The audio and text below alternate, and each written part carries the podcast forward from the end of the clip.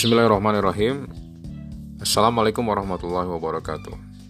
Teman-teman sekalian, saya akan mencoba berbagi tentang satu kisah yang cukup menarik buat kita untuk kita simak. Ada satu pesawat Boeing yang dikemudikan oleh seorang pilot dengan kecepatan yang standar dan mungkin cenderung membosankan. Lalu kemudian tiba-tiba di sampingnya ada pesawat jet ulang-alik dan kemudian sang pilot mengatakan, "Hai, apa kabar?" Pilot Boeing, "Baik-baik saja kan?" Pilot Boeing mengatakan, "Aku baik-baik saja." "Bagaimana dengan kabarmu?"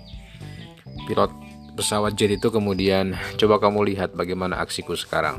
Lalu pilot jet itu melakukan manuver-manuver yang sangat indah meliuk-liuk di atas angkasa. Bagus sekali ya, dengan kecepatan yang sangat luar biasa. Kemudian dia kembali berada di samping pesawat Boeing itu dengan mengatakan, "Wahai pilot pesawat Boeing, bagaimana kamu lihat tadi aksiku? Apakah kamu tidak tertarik dengan aksi seperti itu?" Lalu kemudian pesawat Boeing tadi pilotnya mengatakan, "Aksi kamu sangat bagus, sangat memukau. Tapi apakah kamu tahu aksiku? Coba kamu lihat sekarang." Kemudian pesawat Boeing itu tetap pada kecepatannya cenderung membosankan dan tidak melakukan apa-apa.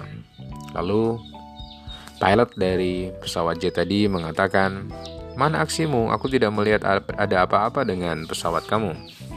Tahukah kamu bahwa tadi aku menselanjurkan kakiku, kemudian aku ke kamar kecil, kemudian aku bikin kopi, kemudian aku makan cemilan.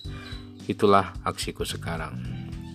Nah, kawan-kawan, apa yang bisa kita ambil dari kisah ini bahwa ketika kita masih muda, kita mungkin seperti pesawat jet itu banyak yang bisa kita lakukan, banyak yang bisa kita kerjakan, banyak manuver-manuver yang bisa kita perbuat.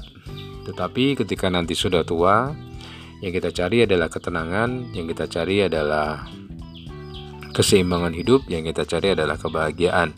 Sudah tidak lagi kita mencari pandangan-pandangan orang terhadap diri kita, sudah tidak lagi kita mencari dunia, tetapi yang kita cari adalah ketenangan dan kenyamanan untuk senantiasa bisa bermanfaat buat orang-orang lain di sekitar kita. Makanya kawan-kawan teruslah mencoba untuk mencari hikmah dari setiap kejadian di kehidupan ini dan janganlah kemudian kita gegabah dalam melangkah, jangan ceroboh, jangan merasa paling bisa karena merasa paling bisa ini adalah awal dari kerusakan segala-galanya. Saya Burhan Sodik, terima kasih sudah menyimak dan tetap nantikan rekaman-rekaman saya berikutnya. Assalamualaikum warahmatullahi wabarakatuh.